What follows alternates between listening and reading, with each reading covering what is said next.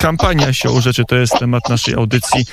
Gdzieś po warszawskich trotuarach spaceruje, pewnie wracając ze spotkań kampanijnych, Hanna Gil-Piątek, posłanka Lewicy. Kiedyś wiceszefowa sztabu Roberta Biedronia. Nie wiem, czy cały czas ta funkcja jest aktualna, pani poseł. No, nikt tego nie odwołał, więc chyba tak. Więc ja... Dzień dobry Państwu, dzień dobry Panie redaktorze. Dobry. Bardzo mi miło. Akurat dzisiaj wracam z Senatu, także za moment będę w spokojnym, cichym miejscu, natomiast już mogę odpowiadać A na wszystkie pytania. To ja zadaję pierwsze pytanie, e, czyli dzisiaj Pani poseł e, nie była na wspólnej, wspólnej trasie wyborczej z Robertem Biedroniem, a szkoda, bo kilka ciekawych e, tam sentencji padło, ale zanim do wystąpień i zanim do słów Roberta Biedronia, to do ogólnej sytuacji politycznej bym się zwrócił. Na ile całe, cała dyskusja dookoła LGBT, do, do, do spraw, o, o, sprawach światopoglądowych wpływa na waszą kampanię i, i rodzi jakieś nadzieje, że, że da się ożywić kampanię Roberta Biedronia? Przede wszystkim y, ta po prostu nagonka, z którą się, przepraszam bardzo, ale tutaj e, mam jakiś hałas już, e, ta nagonka, z którą się spotykamy e, w tej chwili od strony z posłów Zjednoczonej Prawicy, no i niestety samego urzędującego pana prezydenta Dudy. Te przykre słowa, złe słowa, które naprawdę ranią i no, mają swoje konsekwencje, swoje skutki niestety, są to są bardzo, y, bardzo źle wróżą w tej kampanii. Oczywiście, że cała społeczność osób y, LGBT, y, a także ich przyjaciół, wszyscy też Polacy i również Polki, którzy utożsamiają się z prawami człowieka, bo dla nas to nie są tematy światopoglądowe, tylko są po prostu prawa człowieka, o których mówimy od dawna. No, te, te wszystkie osoby czują się w tej chwili bardzo dotknięte, jest nam przykro, jest nam smutno, że, e, że w, w tym momencie, kiedy no, wychodzimy z epidemii, kiedy od głowy państwa należałoby się spodziewać jakiejś konkretnej pomocy czy e, jakichś realnych działań. Tutaj trwa taka szczujnia, taka nagonka. To jest złe. No nie powinno się mówić o ludziach, że nie są ludźmi. Wszyscy jesteśmy ludźmi nie powinno się społeczeństwa dzielić. Ale ja rozumiem też, że e, Zjednoczona Prawica walczy teraz intensywnie o elektorat Konfederacji, o narodowców, którzy mają faszyzujące poglądy. Niemniej to ma swoje bardzo konkretne konsekwencje Dzisiaj pod Sejmem doszło do próby samospalenia, więc żarty się skończyły po prostu. Chociaż e, pani poseł trzeba powiedzieć, że nie wiemy jakie były motywy. Mm, e, nie, ja przynajmniej nie wiem w tej chwili na jaki jest stan zdrowia tej osoby, która dokonała samospalenia. Zdaje się z informacji medialnych wynika, że została dość szybko mm, e, uratowana to się przez na szczęście udało, panie redaktorze, ale proszę zauważyć, że obojętnie jakie są motywy, to jednak taki akt świadczy o tym, że ktoś nam, politykom, stara się coś bardzo intensywnie przekazać, tak? I musi użyć aż tak radykalnych środków. Czego nie słyszymy? Nie wiem, czego nie słyszymy. Nie wiem, czego nie słyszą politycy, którzy po prostu zajęci są w tej chwili tak bardzo sami sobą, rządzący, którzy zamiast zadbać o nas y, w tej chwili rozpoczęli po prostu kampanię szczucia na mniejszości. A z drugiej strony Robert Biedroń, przynajmniej w ostatnich kilkudziesięciu wystąpieniach, które śledziłem, podkreśla pewną jedność między Platformą a, prawą, a Prawem i Sprawiedliwością, że stara się włożyć i Rafała Trzaskowskiego i Andrzeja Dudę w jedną szufladkę e, prawicy. Nie wiem, na ile to będzie skuteczne. No, można powiedzieć w ten sposób, że jakby no, oczywiście głównym przeciwnikiem e, w, jest tutaj dla Roberta Biedronia Andrzej Duda. Natomiast Rafał Trzaskowski jest konkurentem. No i to jest e, duża różnica, dlatego że e, oczywiście Rafał Trzaskowski, który dotąd nie określił się jakoś dostatecznie jasno, co sądzi na temat tych ostatnich wydarzeń, z pewnością, jeżeli sam nie jest, to jego ugrupowanie jest konserwatywne. Proszę zauważyć, jak ostatnio przebiegały głosowania w Sejmie na przykład nad prawami kobiet. Tutaj lewica miała bardzo jednoznaczne zdanie. Wszyscy głosowaliśmy za tym, żeby odrzucić e, projekt Kai Godek zaostrzający e, prawa aborcyjne, odbierający kobietom możliwość decyzji. Natomiast jeżeli chodzi o Platformę, no te głosy rozłożyły się niejednorodnie, dlatego stąd pomimo tego, że hmm, e, ze strony mediów publicznych często słyszymy, e, że Rafał Trzaskowski jest kandydatem, który, nie wiem, podpisał kartę LGBT, to e, warto zauważyć, że on nic w kierunku wyrównania szans tej społeczności w ogóle nigdy nie zrobił, tak? To znaczy nie, nie spełnił zapisów tej karty, które mówią o tym, że y, no, powinno się, nie wiem, dawać choćby ochronę osobom wyrzuconym z domu. Ale być może jest tak, że y, ta kwestia y, nie jest także istotna dla samego elektoratu lewicy, bo skąd się bierze ta y, spora dysproporcja między poparciem sondażowym dla Roberta Biedronia, a wynikiem wyborów parlamentarnych lewicy. Y, to jest często to jest mniej niż połowa wyborców, która deklaruje, że zagłosuje na Roberta Biedronia, a, a która głosowała na lewicę. Być może jest tak, że Robert Biedroń nie odpowiada także na sygnały wyborców lewicy. Ja bym poczekała y, z takim ostatecznym wydawaniem sądów na ten temat, dlatego że ten rollercoaster sondażowy trwa właściwie od pół roku. I widzimy w nim, że a to raz Kosiniak, a to Hołownia, a potem zachwyceni są wszyscy Trzaskowskim na opozycji. Natomiast w tej chwili wydaje mi się, że no, przed taki poważny game changer, tak? To znaczy ta nagonka na y, społeczność LGBT, y, na osoby, które no, żyją w, w Polsce, też Polska bardzo wiele im zawdzięcza, jak na przykład mojemu przybranemu dziadkowi, który stworzył całą systematykę roślin polskich i był gejem po prostu. Więc no, te, te osoby w tej chwili są atakowane i dostajemy bardzo dużo głosów od y, osób, które dotąd nie zajmowały żadnego politycznego poglądu albo wręcz deklarowały e, głosowanie na Rafała Trzaskowskiego, że one bardzo chętnie pomogą lewicy, dlatego że lewica jako jedyna ma jednoznaczny i zdeklarowany y, pogląd na ten temat i nie ukrywa tego poglądu. Niektórzy mówią, że nie do końca chodzi o prawa osób y, o innej orientacji seksualnej niż y, dominująca heteroseksualna, tylko o pewien program transformacji społecznej, o rewolucję społeczną, która w zasadzie nie wiadomo, gdzie miałaby mieć kres, bo patrzymy na kraje Europy Zachodniej, na Hiszpanię, na, na, na Wielką Brytanię, na Holandię i tam y, trudno powiedzieć, żeby ten projekt pełnej tolerancji się zakończył i żeby on przyniósł ludziom szczęście. Znaczy ja powiem tak, panie redaktorze, nie, ja akurat zajmuję się bardziej sprawami miast, mieszkalnictwa, jeżeli chodzi o moją kompetencję zawodową. I kiedy patrzę, nie wiem, na Austrię i Holandię, to patrzę na mieszkania komunalne, które również e, proponuje Robert Biedroń, wybudowanie miliona tych mieszkań w, w Polsce. Widzę, e, jak traktowani są pracownicy i Robert Biedroń dzisiaj ten pakiet propracowniczy ogłosił, tak, w swojej kampanii. Widzę też, że e, te państwa Zachodu, no raczej nie chylą się ku upadkowi, jak chcieliby jakby niektórzy, tylko po prostu rozwijają się i radzą, starają się radzić sobie ze swoimi problemami z lepszym lub gorszym skutkiem, ale jednak są do przodu. E, to prawda, e, więc nie ma, nie ma sensu tutaj spory, patrzeć. Spory miały handicap, mówiąc terminem anglosaskim. A no właśnie, e, aż tego ten i, kolonie, i kolonializm, e, to wszystko przecież nie grało na rzecz zrujnowania krajów zachodnich i dało pewną podstawę do ich współczesnego dobrobytu, ale jak się już patrzy na wskaźniki ale warto też, warto też pamiętać, nastolatków, to tam wydaje się, że wcale nie jest radykalnie lepiej niż w Polsce. O, i proszę zobaczyć po prostu, jak, e, jak u nas dzieci, które mają problemy psychiczne i które to problemy dotykają ich w bardzo dużej ilości i badania akurat tutaj pokazują, że nastolatki w Polsce są pod tym względem w o wiele gorszej sytuacji niż ich zachodni e, rówieśnicy, jak bardzo, w, w jak bardzo dużej ruinie jest polska psychiatria. My też jako Lewica oczywiście mówimy o tym, pytamy. Rząd, y, co robi w tej sprawie, składamy własne projekty, ale nie ma, y, znaczy bardzo się cieszę, że tę rozmowę, którą w tej chwili prowadzimy, udało się trochę przekierować e, na y, takie sprawy, które lewica robi po prostu.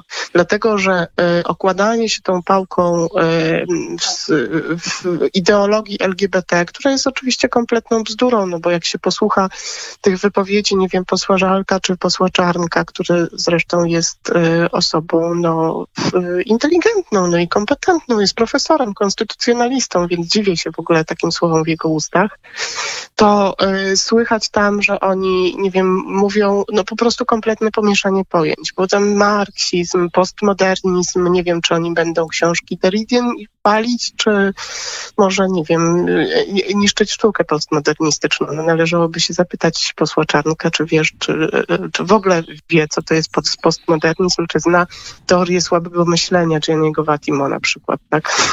Bo to już, to, to już są naprawdę takie Tylko, realne, że... wystawne z palca bzdury. No, Ale żeby sprowadzić, ja niestety będę tym, który sprowadza naszą dyskusję na e, co nieco niższe loty intelektualne, żeby patrzeć, kto aktualnie ma zamiar palić książki, to i, i kto także w Polsce, to wynika z badań, jest znacznie mniej tolerancyjny na poglądy innego, no to jest to raczej strona liberalna i raczej strona rewolucyjna. No to czy, czy, czy tak ją nazwijmy. Jako lewica zawsze ubolewaliśmy nad tym, że y, takie populistyczne poglądy tak znajdują y, bardzo dużo y, uznania w tych środowiskach tak zwanych no, demokratycznych. Tam jest bardzo dużo mądrych ludzi, ale też niestety te osławione mamy soku z buraka.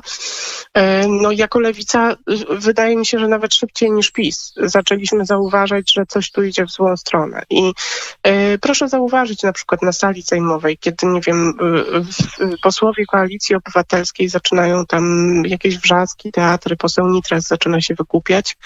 E, lewica stara się uszanować obyczaj parlamentarny, nie robić tam cyrku, tylko po prostu merytorycznie dyskutować, co jest bardzo trudne posłanka Lewicy Hanna Gil-Piątek gościem popołudnia wnet. Pani poseł, to przejdźmy do tego, te drugiej nogi, na którą obecnie, na której obecnie chodzi Lewica, czyli nogi polityki społecznej, polityki e, socjalnej.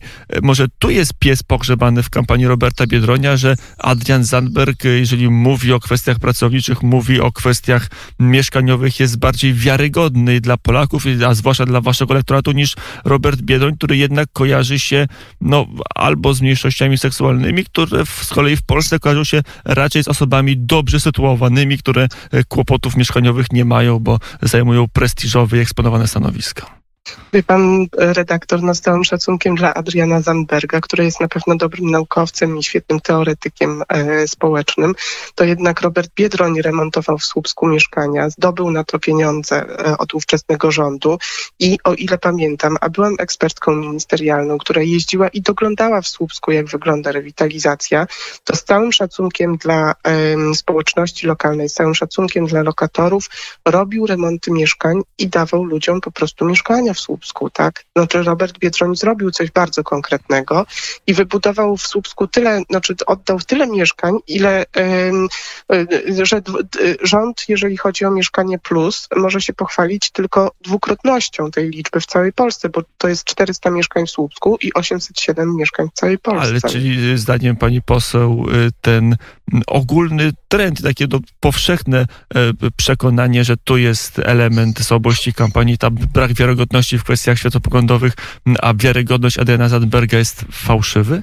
Nie, to znaczy, to ja kiedyś napisałam taki tekst, kiedy jeszcze mm, pisałam do krytyki politycznej, obyczajówka, z którą, którą z nas robicie. To znaczy, wystarczy, wydaje mi się, jakieś tam zamachanie tęczową flagą przez którąkolwiek stronę, na przykład, żeby już jakby unieważnić całe te, e, całą tą pracę i wszystkie te postulaty, które są e, właśnie po stronie, nie wiem, gospodarczej, mieszkaniowej, rozwojowej, propracowniczej i tak dalej. Ale my jesteśmy lewicą, która czyta jakby konstytucję od początku do końca tak?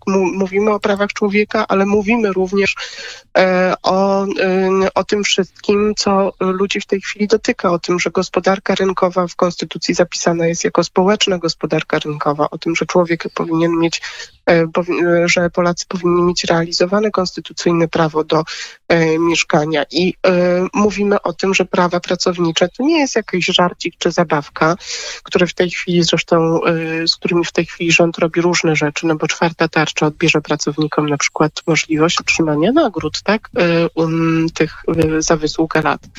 E, ale my jako lewica po prostu stajemy zawsze po stronie pokrzywdzonych w, w każdym sporze. Nie jest to oczywiście wygodna pozycja.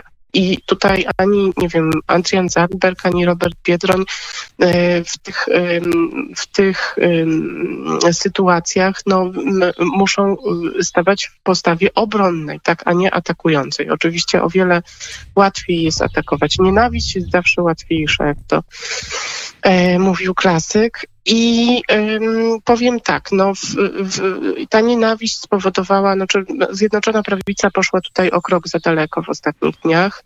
Widzę, że y, próbują się cofnąć. W tej chwili z kancelarii prezydenta Duty chyba wyszło zaproszenie do y, osób y, nie, nie hetero. Widzę, że został zaproszony kandydat lewicy wraz z jego mamą. Wczoraj y, mama Roberta Biedronia wraz z innymi matkami osób nie hetero stanęła pod Pałacem Prezydenckim. A to takie spotkanie będzie? Bo wczoraj wyszło takie zaproszenie, czy takie jakby wezwanie no do właśnie. spotkania ze strony Roberta Biedronia. No i dzisiaj, um, dzisiaj przyszła odpowiedź. No mam nadzieję, że do tego spotkania dojdzie, bo widzę dobrą wolę z dwóch stron. Także gdyby doszło do tego spotkania, no moim zdaniem tutaj, tak jak powiedział pan Joachim Brudziński yy, i, i tak jak powiedział pan yy, minister Dworczyk, yy, padło, padły po prostu słowa, które paść nie powinny. Strona Zjednoczonej Prawicy, strona PiSu się zapędziła tutaj w, w tej kampanii i powinny paść po prostu przeprosiny to ja wrócę, bo na puentę naszej rozmowy upatrzyłem sobie inny temat. Obserwowałem pani działalność twitterową w trakcie, kiedy wykuwał się w Sejmie kształt tarczy antykryzysowej i to, było dość, to była dość ciekawa sytuacja, bo pokazywała, że można w polskim parlamencie e, całkiem merytorycznie pracować i że jest jakiś jednak przepływ wiedzy między opozycją a stroną rządową.